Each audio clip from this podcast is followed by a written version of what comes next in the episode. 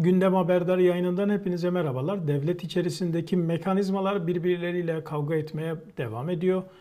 Bunların derin yapıların birbirleriyle olan kavgaları devam ederken bir taraftan da eski defterler açılıyor. Bu açılan eski defterler içerisinde aslında bir istihbarat savaşlarıyla karşı karşıya olduğumuzu bilelim.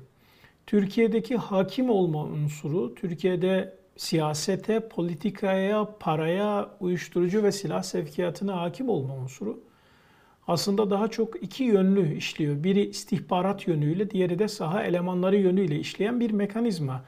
Bu ikisine hakim olduğunuz zaman siz parayı da kontrol ediyorsunuz. Haliyle de parayı kontrol edince medyayı da kontrol ediyorsunuz.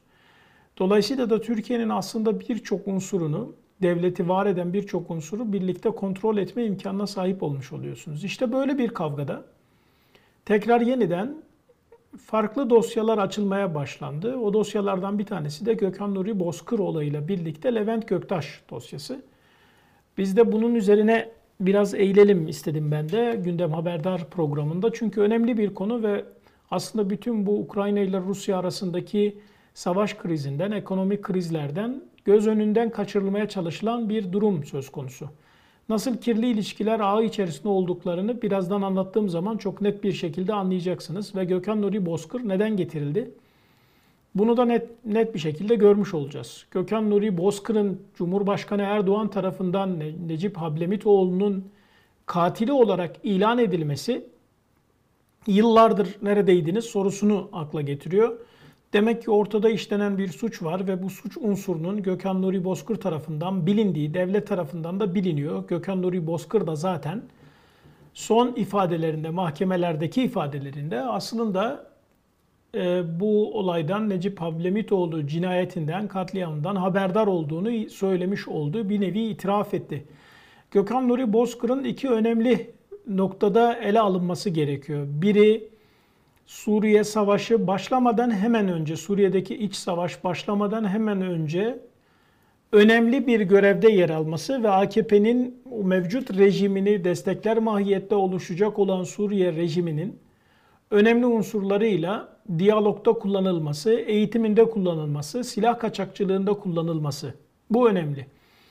Diğer bir konuda Gökhan Nuri Bozkır'ın aslında derin devlet mekanizmasının çok önemli bir kolu olan ulusalcılarla milliyetçilerin kavgasında, Avrasyacılarla milliyetçiler kavgasında iki taraf tarafından da kullanıldığı ve silah ticaretinde önemli bir unsur haline geldiği.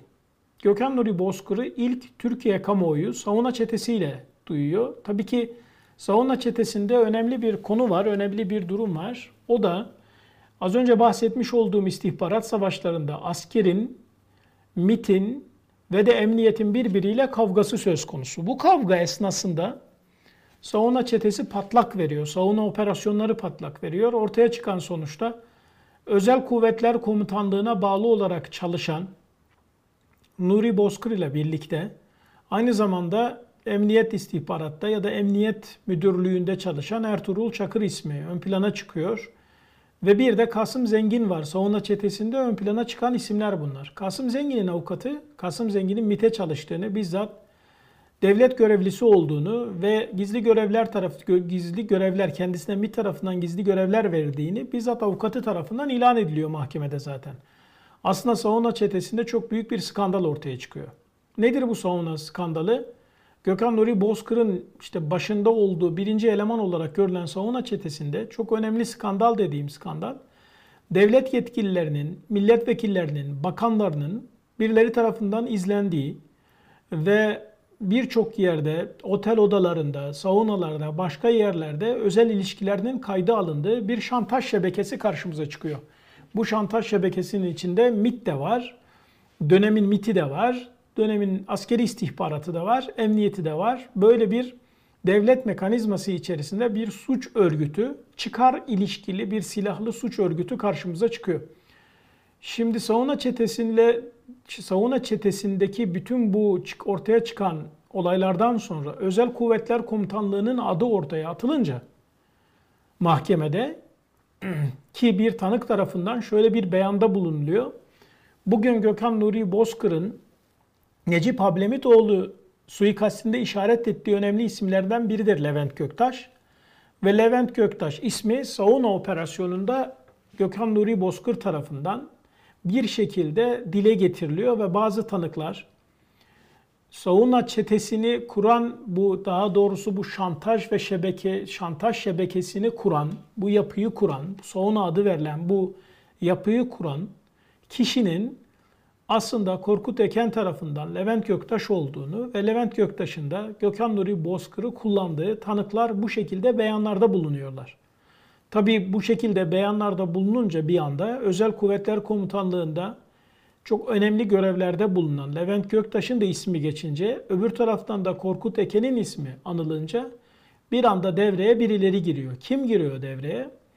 Operasyon için Özel Kuvvetler Komutanlığı'nın ismi geçtiği bahanesiyle Askeri Yüksek İdare Mahkemesi Başkanı dönemin Tuğgeneral e, Tuğrul Arıbal, aynı zamanda Askeri Yargıtay Başkanı Tuğgeneral Ahmet e, Alkış, Adalet Komisyonu Başkanı Yılmaz Uğurlu ile bir görüşüp bu dava ile ilgili, savunma çetesi ile ilgili çok geniş bilgi alıyorlar.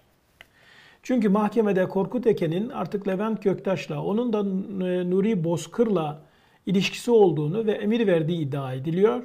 Bu da önemli bir e, durumu ortaya çıkarmış oluyor. Bu andan itibaren ne oluyor dersiniz? İşte mahkemeye bir anda gizlilik kararları aldırılıyor. Mahkeme e, başka bir şekilden, başka isimlerin özellikle de Özel Kuvvetler Komutanlığından, özellikle de TSK'daki bazı isimlerin devreye girmesiyle mahkemenin seyri değişiyor. Savunma çetesi bir yönüyle o operasyonlar kapatılır hale geliyor ve tereyağından kır çekilir gibi Nuri Bozkır o savunma çetesinden çekilip alınıyor. Nuri Bozkır'ı ilginçtir. Tabii ki kim çekip alıyor işin içerisinden derseniz o dönem artık emekli e, albay haline gelmiş. Emeklilik yapan bir dönem Marmara Hukuk Fakültesini bitirdiği için artık avukatlık yapan Levent Göktaş çekip alıyor. Çünkü Levent Göktaş aslında Nuri Bozkır'ın da avukatlığını yapıyor o davada. Ne zamana kadar? Sonra Ergenekon operasyonları başlayınca Levent Göktaş'ın gözaltına alınma durumu söz konusu oluyor. Ve Levent Göktaş davanın sonuna doğru davadan çekiliyor. Peki Nuri Bozkır, Suauna çetesinde Levent Göktaş'la Korkut Eken'i işaret ederken bir süre sonra ne oluyor? 6 yıl kadar hapis cezası verilen Nuri Bozkır'a yine o bahsettiğim isimler devreye girerek, askeri istihbarattan bazı isimler devreye girerek askeri yargıtay tarafından Nuri Bozkır'a beraat kararı verdiriyorlar. Takipsizlik falan değil, doğrudan beraat kararı verdiriliyor. Nuri Bozkır üzerindeki bu iddialar, bu şaibeler devam edince, yaş kararıyla artık ayrılınca askeriyeden, askeriyeden ne oluyor? Boşta mı kalıyor? Hayır. Kendisine Kırgızistan'da Kırgızistan merkezde olmak üzere silah ve özellikle silah kaçakçılığını önemli noktalara taşıyacak ve savunma sanayinde önemli ihaleler alacak olan bir şirket kurduruluyor Kırgızistan'da kendisine.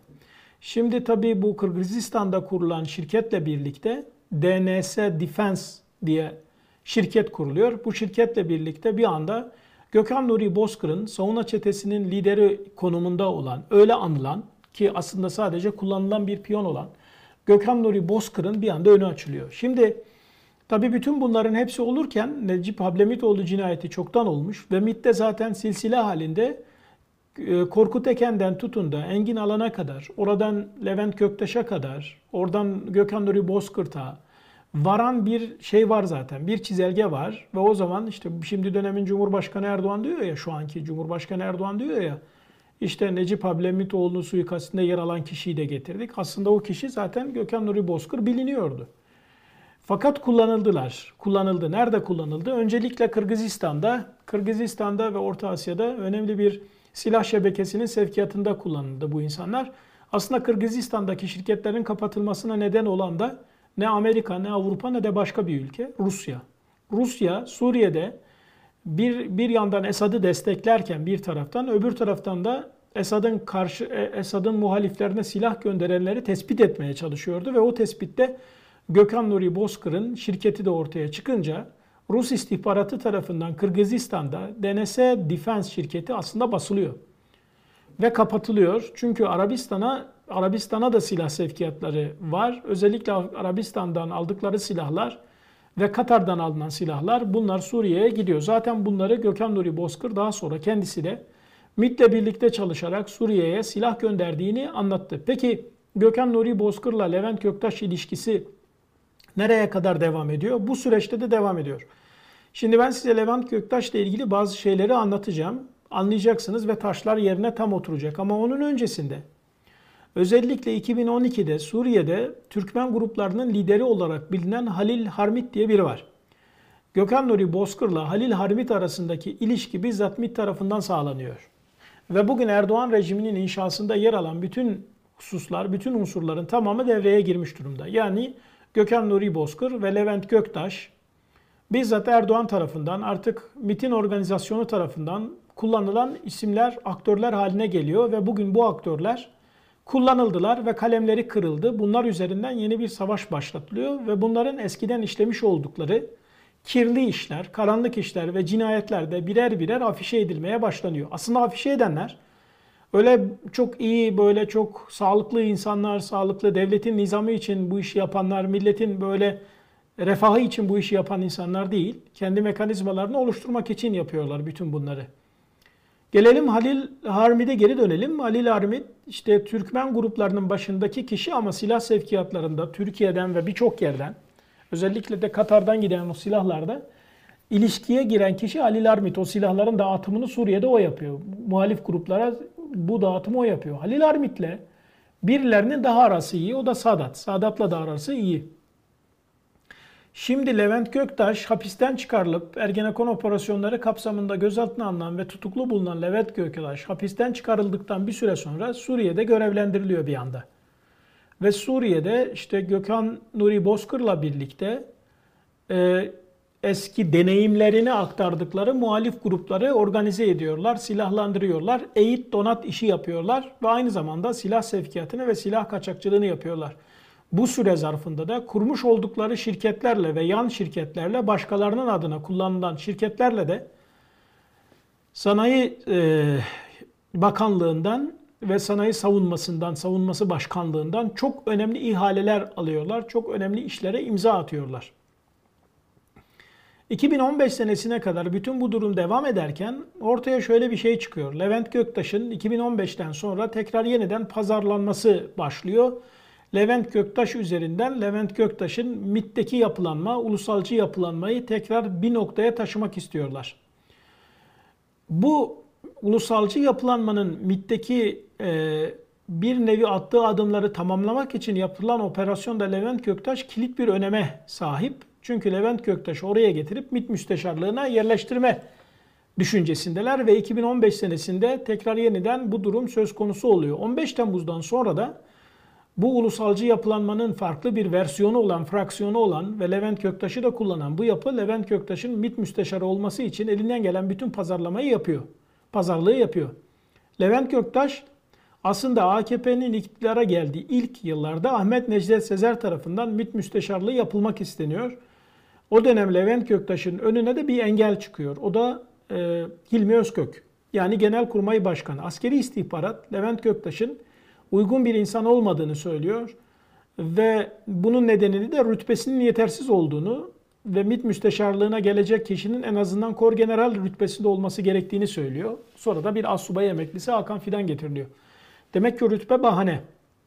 2015 senesinde MİT'te bir kavga patlak verince aynı zamanda Gökhan Nuri Bozkır'ın etrafındaki ilişkiler sarpa sarınca bizzat aslında e, MİT içerisinden farklı bir yapının Akçakale'de soğan kamuflajıyla bomba yapımında kullanılan malzemelerin işi de gönderildiği ne dair bir ihbar hazırlanıyor ve aslında MIT'in kendi içinden gelen bu şeyle Gökhan Nuri Bozkır'ın bizzat beraber çalıştığı insanların istihbaratıyla Akçakale'de 2015 senesinde bir tır durduruluyor. Şimdi bu tır durdurulması önemli bir mesele çünkü aslında kavganın başlangıç tarihi de bu oluyor ulusalcı Avrasyacı yapılanmanın bir koluyla Erdoğancılar arasındaki kavganın bir nevi başlangıç tarihidir bu tırın durdurulması. Peki ne oluyor o tır durdurulunca? İşi de gönderildiği tespit edilen bu tıra el konunca sanıklar arasında Nuri Bozkır'dan farklı olarak iki önemli isim daha var. Biri Doğan Güneş, biri de Üsteğmen Ahmet Yasin Güneş. Doğan Güneş özellikle Ahmet Yasin Güneş'in hem MIT'e çalıştığını hem de emniyetle ilişkili olduğunu iddia ediyor. Ve bu kişi Üsteğmen. Aynı zamanda bu kişi Nuri Bozkır'la birlikte Ankara'da bir otel işletiyorlar. Ve orada meşhur bir pizzacı var. O pizzacı da bütün görüşmelerini, kirli karanlık görüşmelerini birlikte orada yapıyorlar. Ve o otelde de yine bir şantaj versiyonu devreye giriyor ve o otelde misafir ettikleri her kim varsa onların da şantaj kasetleri hazırlanıyor ayarlanıyor. Burada önemli bir durum söz konusu. Gökhan Nuri Bozkır'ın 2015 senesinde işide gönderilen bu şeylerin, ekipmanların e, bomba yapımında kullanıldığı ortaya çıktıktan sonra tereyağından yine kıl çeker çekilir gibi iki görevli tarafından, MİT görevlisi tarafından alınıp hiçbir şekilde kendisine dokunulmadan farklı yollarla havaalanına getirilip havaalanından Ukrayna'ya uçuşu sağlanıyor. Sağlayan ekip yine Levent Göktaş'la irtibatlı olan bir ekip. Böylece ortada önemli bir durum var. Yani ne zaman Bozkır'ın kafası bir kenarda sıkışsa bir şey olsa bir el devreye giriyor. Ve bu de el, bu devreye giren elinde bir şekilde parmaklarını oynatan kişinin Levent Göktaş olduğu geliyor karşımıza çıkıyor.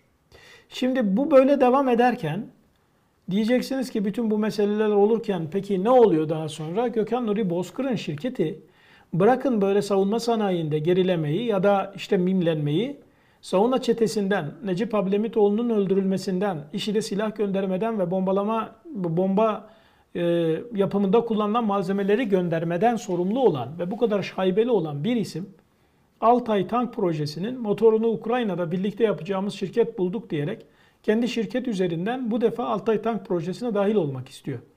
Ortağıyla birlikte bunu yapıyorlar. Serdar Özyurt'la birlikte. Altay Tank Projesi'nin motorunu Serdar bu Serdar Özyurt'un işte Suriye'ye silah satılması ve muhaliflerin eğitilmesi gibi şeylerin haricinde aynı zamanda bu şirketin altından çıkan bir şey çok önemli bir proje olan Türkiye için Altay Tank Projesi'nin motoru projesinde kullanılması durumu ortaya çıkıyor. Şimdi bütün bunlara baktığınız zaman ortaya çıkan bir şey var. Gökhan Nuri Bozkur üzerinden savunma sanayinde önemli şirketler kurulmuş, önemli paralar alınmış, silah sevkiyatı yapılmış, Suriye'deki karışıklıkta kullanılmış bir isim. Bu isim bugün Necip Hablemitoğlu suikastinden ötürü Türkiye'ye getiriliyor ve bazı isimlerden bahsediyor. Mehmet Nari'nin ismini veriyor.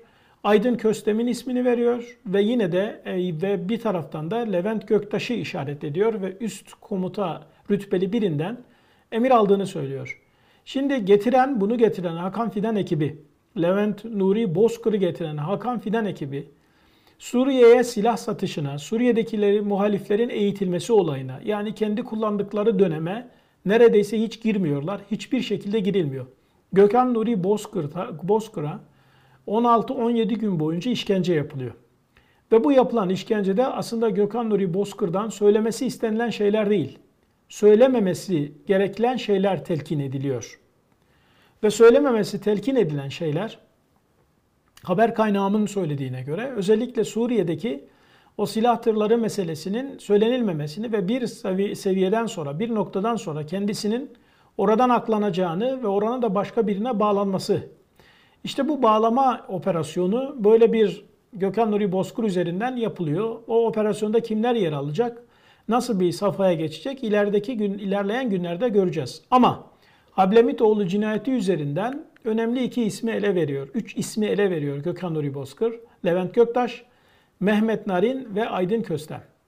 Mehmet Narin aslında Levent Göktaş'a çok yakın biri. Ben şimdi size Levent Göktaş'ı biraz anlatacağım. Mehmet Narin'in de önemini anlarsınız o zaman. Çok yakın biri ve medyada basın şeyin e, Levent Göktaş'ın emir eri olarak ele alındı. Oysa ki Levent Göktaş albay rütbesinde emekli albaydı. Emir eri kullanan biri değil. Zaten o rütbedekilere emir eri verilmiyor. Peki Mehmet Narin ne yapıyor Levent Göktaş'ın? Aslında bir nevi ayak işlerini yapan, şoförlüğünü yapan biri Mehmet Narin. Ve Levent Göktaş'la çok sıkı bir arkadaşlığı, yakın bir ilişkisi var ve uzun dönemde onun hem korumasını hem şoförlüğünü yapmış öyle konumda biri. Peki Mehmet Narin'in ismini verince Gökhan Nuri Bozkır ne oldu? Mehmet Narin gözaltına alındı ve tutuklandı. Sorgulandı ve tutuklandı. Diğer isim Aydın Köstem de aynı şekilde sorgulandı ve o da tutuklandı. Bu isimler çemberdar alarak şimdi Levent Göktaş'a doğru getiriyorlar işi Mehmet Narin aslında bir yeriyle bir yönüyle pot kırıyor ve Mehmet Narin'in kırdığı pot şu. Mehmet Narin'e sorgulamada Levent Göktaş ismi sorulurken Aydın Köstem de soruluyor.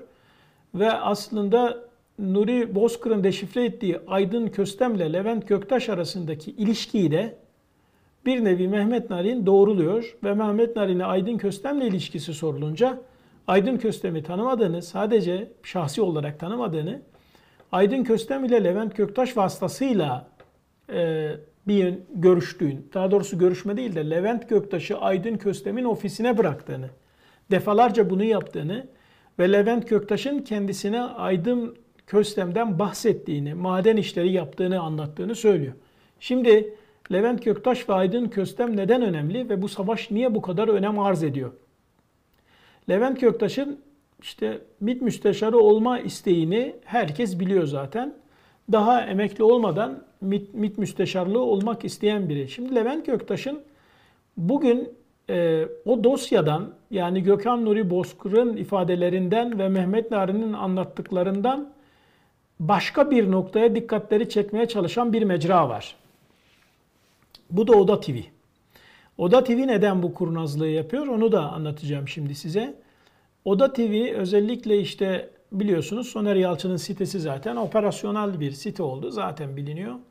Şimdi Oda TV ısrarla ve inatla e, Gökhan Nuri Bozkır'ın emri Levent Göktaş'tan aldığını iddia etmesi ve bunların tutanaklarda geçmesine değil, Levent Göktaş'ın işte MİT müsteşarı olurken dosyayı hazırladığı CV'yi aslında Abdüllatif Şener'e değil de Abdullah Gül'e verdiğini ve dolayısıyla da ortada bir yalan beyan olduğunu anlatmaya çalışıyor. Yani ortada o kadar iddia var. İddialar içerisinde sadece Levent Göktaş'ın MİT müsteşarı olma isteğine yönelik olan o ifadeler dikkate alınıyor. Çünkü Mehmet Narin'in böyle bir ifadesi var. Suikast günü Konya'da olduklarını Levent Göktaş'la beraber ve MİT müsteşarlığı için Abdüllatif Şener'le görüşmek istediğini söylüyorlar.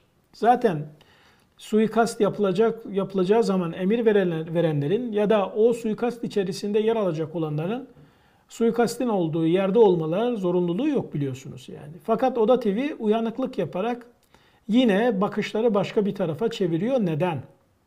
Şimdi Levent Göktaş'a ve bağlantılarına gelelim. Oradan anlayacağız Oda TV'nin buradaki operasyonel gücünü ve Oda TV'nin yapmaya çalıştığı şeyi. Çünkü bu operasyonun ucu yine gelecek Oda TV'ye dayanacak. Onlar da bunu biliyorlar.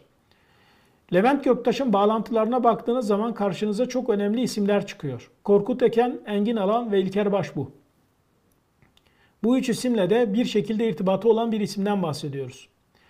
Şimdi Korkut Eken, Engin Alan ve Levent Göktaş'ın beraber bulunduğu o yapı içerisinde MIT ile asker kendi arasındaki kavgadan ötürü bütün askeri istihbarat tarafından her şeyin ele alınması gereken bir dönem konuşuluyor. O da 28 Şubat'a varan o süreçte aslında askeri istihbaratın JITEM üzerinden MIT'i de diskalifiye edecek konuma getirip MIT'in bütün unsurlarını kendisine bağlama ve MIT'in beceriksiz, yeteneksiz olduğunu anlattığı bir dönemden geçiliyor Türkiye'de. O zaman MIT ve askeri istihbarat birbiriyle kavga haline geliyor. Emniyet istihbarat da bir taraftan MIT'le birlikte hareket ederken öbür taraftan da MIT'le çatışan başka bir gruba dönüşüyor. Oyun içinde oyun devam ediyor anlayacağınız. Peki o zaman askeri istihbarat yurt dışında operasyonel gücünü arttırmak için ne yapıyor? Aynen MIT'in yurt dışındaki operasyon gücünü arttırmak için kullandığı bazı isimler olduğu gibi askeri istihbarat da ve özel kuvvetler komutanlığı da o dönemlerde yurt dışında bazı operasyonlar yapabilmek için emniyet istihbaratla ve MIT'le sıkı fıkı ilişkide olan ve yurt dışı istihbaratların kodlarını bilen Korkut Eken'le birlikte aynı zamanda askerde o dönem çok önemli bir komutan olan Engin Alan hep birlikte Levent Göktaş'ın da ismi geçen bir operasyonla bir kurum oluşturmaya çalışıyorlar kendilerince ve farklı farklı organizasyonlar içerisinde yer alıyorlar. Bunların bir kolu MHP'ye, Milliyetçi Hareket Partisi'nde ülke ocaklarına uzanırken öbür kolu de şeyle birlikte hareket edecek kapasitede. Perinçek'le, Doğu Perinçek grubuyla hareket edebilecek bir kapasite. Şimdi yurt dışı operasyonlar için kendilerince bazı şeyler oluşturuyorlar. Bu devrimci karargah örgütü diye sürekli söylenen bir şey vardı ya sonra sulandırılan işin içerisine Hanefi Avcı'nın katıldığı, işkencelerin falan olduğu o devrimci karargah örgütünün aslında bir nevi kurucuları ve akıl babaları bu, bu isimler. Yani Engin Alan, Korkut Eken, Levent Göktaş gibi isimler. Daha doğrusu onu farklı bir mecrada yurt dışı operasyonlar için kullanmaya çalışan isimler bunlar. Peki burada kimi devreye sokuyorlar? Özellikle de Deniz o zaman Denizci Yarbay Ercan Kireçtepe ile bu devrimci karargahın bütün düzeni kurulmaya çalışılıyor. Peki kim bu Ercan Kireçtepe Yarbay? Levent Göktaş'ın adamı yine. Karargah lideri yani bu devrimci örgütü, sözüm ona devrimci karargah örgütü kurmuşlar ya çok da meraklılar bu tip laflara böyle karargah marargah. Şimdi bunlar e, birini de bulup Serdar Kaya diye birini daha önce MİT tarafından ve askeri istihbarat tarafından da kullanıldığı ortaya çıkan Serdar Kaya diye birini bulup bunu devrimci karargahta lider konumuna getiriyorlar. Onun üzerinden yurt dışı operasyonları yapacağız diyorlar. Peki Oda TV niye bugün bu kadar Levent Göktaş'ı savunuyor dersiniz? Çünkü Serdar Kaya ile Soner Yalçın arasındaki ilişki ortaya çıkıyor.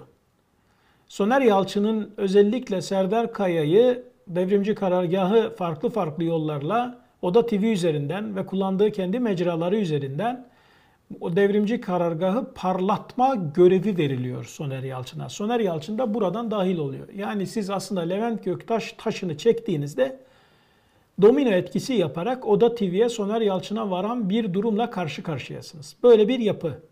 Şimdi Levent Göktaş'ın bir de hücre yapılanması var. Bu hücre yapılanmaları kendi içerilerinde ayrılıyorlar tabii ki. Farklı bir versiyonla bakıldığı zaman da karşımıza çıkan hücre yapılanmasında 5 isim çok önemli. Levent Bektaş, kendisi binbaşı. Yarbay Ercan Kireçtepe, az önce bahsetmiş olduğum devrimci karargah örgütüyle sıkı fıkı irtibatta olan kişi. Binbaşı Emre Onat, yine Binbaşı Eren Günay, Yarbay Mustafa Turhan Ecevit. Bu isimlerde Levent Göktaş'la birlikte hareket eden o hücresel yapının aslında en önemli mekanizmasını teşkil ediyorlar. Bunlar ne yapıyorlar sevgili arkadaşlar? En önemli konulardan bir tanesi bunların yaptığı şantaj olayı. Bunlar özellikle savunma sanayinde, silah sanayinde ve de TSK içerisindeki birçok yerde rütbelilerle ilgili olabilecek kadar ne kadar olabilecekse o kadar şantaj kasetleri, bunların kayda alınması, bunların takibinin yapılması bütün bunların tamamını yapan bir ekip. Böyle bir ekiple karşı karşıyayız. Bu yapılanma böyle bir yapılanma. Peki bu yapılanma nasıl devam ediyor? Nerede yürüyor bu yapılanmalar? Aslında burada Özel Kuvvetler Komutanlığı'nın alt bir maddesi birimi var. O da Muharebe Araba Kurtarma Birliği olan MAK. Şimdi Levent Göktaş MAK'ta çok önemli görevlerde ve bir komutan. Muharebe Araba Arama Kurtarma Birliği'nde. Ne yapıyor bunlar? Bu MAK yani Muharebe Arama Kurtarma Birliği çok önemli şeylere imza atıyor. Ne yapıyor? Bir, güvenlik şirketlerini ele geçiriyorlar. Neredeyse e, büyük şirketlerin tamamının, güvenlik şirketlerinin, özel güvenlik şirketlerinin tamamı bunların elinde. O zaman bunlar bütün insanların tamamını, önemli insanları kayda alıyor bu şekilde. Daha da önemlisi her Tugay komutanının yanına bir makçı emir eri olarak veriliyor ve bu Levent Göktaş'ın projesi. Emir erlerinin tamamı Tugay komutanlarıyla birlikte ve attıkları her adımı neredeyse inceliyorlar, izliyorlar ve bunu bir şekilde bağlı bulundukları o yapıya iletmiş oluyorlar. Ve AKP iktidara gelene kadar koalisyon hükümetleri döneminde aslında bunlar her yerde resmen cirit atıyorlar. Ve MIT'le çatışmalar da o dönemde başlıyor. Daha sonra AKP iktidara gelince, koalisyon bitince farklı biliyorsunuz. İşte dengeler devreye girdi. Farklı dengelerin devreye girmesiyle birlikte de bunlar etkilerini, yetkilerini kaybediyorlar. Peki Levent Göktaş'a neden işte kumpas mı kuruldu? O dönem neden gözaltına alındı Levent Göktaş? Levent Göktaş'la ilgili bütün bu olaylar ortaya çıkarken bazı ihbarlar söz konusu. Mesela MAK çalışması olarak görülen çok önemli bir operasyon söz konusu. Gaffar Okka'nın öldürülmesi. O zaman JITEM'e çalışan, JITEM unsurlarından bazı isimler bu işin başında da Levent Göktaş'ın olduğunu ve aynı zamanda Gaffar Okka'nın öldürülmesinde bu askeri istihbaratın ve muharebe arama ekibinin kullanıldığını itiraf ediyorlar ya da anlatıyorlar. Bunun üzerine birçok noktada gözlerin kendisine çevrildiği Levent Göktaş'ın ofisinde ve evinde aramalar yapıyor, yapılıyor. Ne çıkıyor aramalarda? Levent Göktaş'ın e, ofisinde yapılan aramalarda ortaya çıkan şeyler. Çok önemli. Nedir onlar? Hakim ve savcılara yönelik şantaj kasetleri ortaya çıkıyor. Yargıtay Cumhuriyet Başsavcısı, dönemin Yargıtay Cumhuriyet Başsavcısı Abdurrahman Yalçınkaya var. Hani hep herkesin AKP'yi kapatmaya çalışmakla bildiği, çalış, AKP'yi kapatmaya çalışan Abdurrahman Yalçınkaya. Ona ait olan bir çizelge ve bu çizelgeye göre Abdurrahman Yalçınkaya saat saat izlenmiş. Saat saat takip edilmiş Levent Göktaş'ın ekibi tarafından. Üçüncüsü de daha önemli konulardan bir tanesi de rütbelilerin yani TSK içerisindeki rütbelilerin şantaj kasetleri Levent Göktaş'ın ofisinde çıkıyor. Bütün bunların hiçbiriyle ilgili de açıklama yapmıyor. İnkar da edilmiyor zaten. Bana ait değil deyip geçiyorlar bunlar. Aynı zamanda mühim bir İlker Başbuğ'un kızının e, o dönem işe alımla ilgili bir belgesi, dokümanları da yani İlker Başbuğ'un ailesiyle ilgili belgelerde bizzat orada çıkmış oluyor, ele geçirilmiş oluyor. Şimdi Levent Göktaş böyle bir isim. Ve bu isim işte 2015 senesine kadar, 2014 senesine kadar bu şekilde bütün şaibeli işlerin merkezinde, iddiaların merkezinde olan bu isim Erdoğan tarafından da kullanılıyor ve Suriye'de Gökhan Nuri Bozkır'la beraber Erdoğan'ın silah satış işlerini, bu tırların sevkiyatlarını ve aynı zamanda Suriyeli muhaliflerin e, eğitilmesi noktasında kullanılmaya başlıyorlar. Ve o dönemde Levent Göktaş'ın avukatı çıkıp Levent Göktaş'ı Erdoğan'ın en samimi arkadaşlarından biri diye lanse ediyor. Şimdi böyle bir kirli ilişki ağları var. Peki Levent Göktaş'a bunun karşılığında neler veriliyor? Silah sanayisinde, savunma sanayisinde çok önemli ihalelerle birlikte bir de Levent Göktaş'ın ismi çok ilginç bir şekilde İnan Kıranç'ın avukatı olarak karşımıza çıkıyor. Hani koskoca koçun damadı, Kıraça Holding'in sahibi başka hiç kimseyi bulamamış. Levent Göktaş'ı avukatı olarak almış. E, SBK'yı biliyorsunuz Sezgin Baran Korkmaz. Bunun işte İnan Karaca, Kıranç Holding'in hisseleri karşılığında devretmesi gereken yüklü miktarda para var. Karsan, Karsan şirketi e, Karsan şirketi İnan Kıraç'a ait olan bir şirket ve Sezgin Paran Korkmaz elindeki e, bazı hisseleri İnan Kıraç'a hülle yoluyla İnan Kıraç'a başka bir şirket kurarak İnan Kıraç'ın Karsan'daki hisselerinin bir kısmını alıyor. İnan Kıraç bu şirketin arkasından Sezgin Baran Korkmaz olduğunu fark edince e, hukuki yollarla Süleyman Soylu'yla görüşerek, Levent Göktaş'la görüşerek bu hisselerin devrini almak istiyor. Sezgin Baran Korkmaz bu hisseleri İnan Kıraç'a değil Levent Göktaş'a devrediyor ve Karsa'nın %28'i Levent Göktaş'a geçiyor. Bu ortaya çıkınca da Levent Göktaş ben bütün bunları kendi adıma değil müvekkilim olan İnan Kıranç adına kendi hesabıma aldım diyor. Yani bir emekli albay, bir avukat Karsa'nın 28 %28'ini yani milyonlarca dolarlık hisseyi bir hissenin bir anda sahibi oluyor. Şimdi böyle bir ilişki ağı var karşımızda duran ve Gökhan Nuri Bozkır'ın bugün bahsettiği kişilerden bir tanesi ben bu emri Levent Göktaş'tan aldım diyor. Şimdi gelelim bu isimlerin içerisinde önemli bir isme daha. O isim de Aydın Köstem. Gökhan Nuri Bozkır ayrıca Aydın Köstem'den de bahsediyor ve önemli bir noktaya dikkat çekelim şimdi. Aydın Köstem MIT ile askeri istihbaratın birbiriyle kavga ettiği ve öne çıkmaya çalıştığı, aynı zamanda askeri istihbaratın emniyetle MIT arasındaki çatışmayı kullandığı, o 28 Şubat sürecine giden dönemde en önemli kilit isimlerinden biri Aydın Köstem. Az önce bahsettim. Mehmet Narin Aydın Köstem'in ofisine Levent Göktaş'ı götürdüğünü bizzat kendi söylüyor. Zaten aralarında böyle bir ilişki var. Aydın Köstem'le Levent Göktaş arasında. Ay, e, gerek Gökhan Nuri Bozkır, gerek Levent Göktaş, gerek Aydın Köstem'in ayrıca ortak bir özelliği daha var. Hepsi savunma sanayinde, silah satış işlerinde yer alıyorlar. Hepsi de bu şirketlerde savunmaya yönelik şirket sahipleriler. Bu da bir ilginç bir tevafuk. Böyle karşımıza çıkıyor. Şimdi Aydın Köstem JITEM'in önemli bir e, fraksiyonu konumunda ve Ankara'da bu işleri takip ederken askeri istihbaratı ve JITEM'i MIT karşısında daha güçlü hale getirecek olan projelerde yer alan isimlerden bir tanesi. Ve JITEM'i güçlendirme adına MIT'in bölgede kullanmış olduğu elemanlarla doğrudan irtibat sağlıyor. Aydın Köstem'in birinci işi MIT tarafından kullanılmış olan operasyon elemanlarını JITEM'e getirmek JITEM bünyesinde kullanmak, askeri istihbarat bünyesinde kullanmak ve sağına soluna herkese artık askeri istihbaratın MIT'ten daha güçlü hale geldiğini anlatmak. Hatta Aydın Köstem e, öyle kendini farklı bir şekilde tanıtarak şunu da söylüyor mesela. O zaman Yeşil olarak nam salmış olan Mahmut Yıldırım'ın aslında etkisiz bir eleman olduğunu ve bütün operasyonel yetkilerini anlatan operasyonel yetkilerinin abartıldığını, işin içerisinde bizzat askeri istihbaratın olduğunu da anlatmaya çalışıyor. Sağına da bu bilgi, sağına soluna da bu bilgileri veriyor Aydın Köstem. Kendisini iş adamı olarak tanıtan Aydın Köstem'in önemli irtibatları var. O irtibatlardan bir tanesi de işte MIT karşısında JITEM'i güçlendirirken askeri istihbarata MIT'ten adam devşirmeye çalışırken kendisinin bizzat ifadesiyle, beyanıyla sonra birçok noktada susurluk davalarında da raporlanan ve arşivlenen belgelerde çevik birle irtibatı ortaya çıkıyor.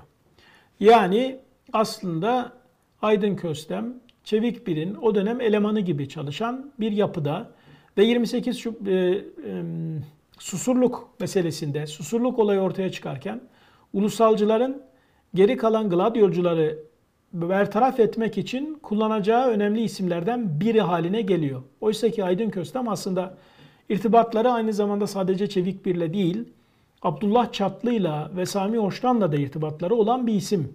Peki nasıl oluyor da ulusalcı cenahla biraz daha birlikte hareket ediyor? Çünkü bunlar bir yönüyle, birçok yönüyle sadece ve sadece kendi menfaatlerini düşünen ve güç devşiren insanlar. Diğer taraftan Aydın Köstem önemli üç ismi dolandırıyor. Bu önemli üç isim Kaşif, Kaşif Kozon, Kozinoğlu, Yavuz Ataç, Orhan Çoban gibi e, askeriyeden MIT'e geçmiş olanlar ve emekli, sözüm ona emekli olan isimde bu isimler Rusya'dan silah alma işinde Aydın Köstem'i kullanıyorlar ve Aydın Köstem Rus bir generalle bunlar arasındaki irtibatı sağlayacağını, Avusturya üzerinden de silah satın alacağını söylüyor ve bunları dolandırıyor. Sonra bakıyorlar ki Aydın Köstem bütün bu paraların tamamını almış ama hiçbir şekilde herhangi bir şekilde silah alımı söz konusu değil. Askeri istihbaratın devreye girmesiyle beraber ortaya çıkan bir operasyona maruz kaldıklarını anlayınca bu üç isim işte o zaman ulusalcılarla Gladio kavgasında Aydın Köstem'in yeri de belli olmuş oluyor. Az önce söylemiş olduğum gibi aslında Aydın Köstem Abdullah Çatlı ile de arası iyi. Ve Abdullah Çatlı ile birlikte çok fazla gündeme gelmeyen bir isim daha var. O da Saadettin Gündoğan. Saadettin Gündoğan'la Abdullah Çatlı, Abdullah Çatlı Mehmet Özyurt ismini kullanırken oluşturmuş oldukları o bütün para çarkında e, çekleri tahsil etme noktasında Saadettin Gündoğan'ı kullanıyorlar. Özellikle Kıbrıs'ta. Aydın Köstem de bu çeklerin tahsilinde ortaya çıkan isimlerinden isimlerden bir tanesi aynı zamanda. Ve Sami Hoş'tan bir de ondan bahsetmiş olayım. Kısaca Sami Hoş'tan Ömer Lütfi Topal'ın ortaklarından uyuşturucu işinde ismi çok geçen, İspanya'dan Kolombiya'ya kadar uyuşturucu ağını takip eden ve Abdullah Çatlı'nın da samimi arkadaşı olarak e, ele alınan Sami Hoş'tan'la da boy boy resimleri var. Kiminle resimleri var? Köstem'le resimleri var. Aydın Köstem'le. Şimdi böyle bir ilişki ağı yani ele aldığınız zaman bu ilişki ağlarını ta gidiyor iş e, şeye kadar dayanıyor. Susurluk hadisesinden önce MIT'in, askeriyenin ve emniyetin birbiriyle kavgasına kadar dayanıyor. İşte Gökhan Nuri Bozkır'ın bugün vermiş olduğu, anmış olduğu isim Levent Göktaş üzerinden bugün Levent Göktaş'tan Engin Alan'a kadar, Korkut Eken'e kadar, İlker Başbuğ'a kadar tekrar yeniden varacak bir mücadele, bir savaş devlet içerisinde yer almak üzere. Şimdi tekrar yeniden bunlar gündeme geliyor. Ve bu gündeme gelen isimler içerisinde kendilerini kurtarmaya çalışan bu isimler, Avrasyacı yapılanmanın önemli bu isimleri yeni bir kavganın kendilerince artık ara elemanları, piyonları olmak üzereler. Kullanıldılar, atıldılar. Bütün yapılar tarafından kullanmış olan Gladio yapılanması, ulusalcı yapılanma, en son Erdoğan'ın kurmaya çalıştığı derin devlet yapılanmasında kullanılan bu piyonlar tekrar yeniden operasyon yaşamak zorundalar.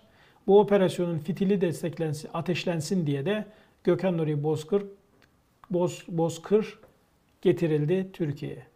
Şimdilik burada noktalayalım. Gündem haberleri bayağı uzadı farkındayım. İsimler havada uçuştu. Şimdi bütün bunların hepsini kayda almış olduk bu yayında. Biz de Dolayısıyla da bunların üzerine, bu kayıt üzerine daha çok konuşacağız görünüyor. Kendinize iyi bakın. Görüşmek üzere.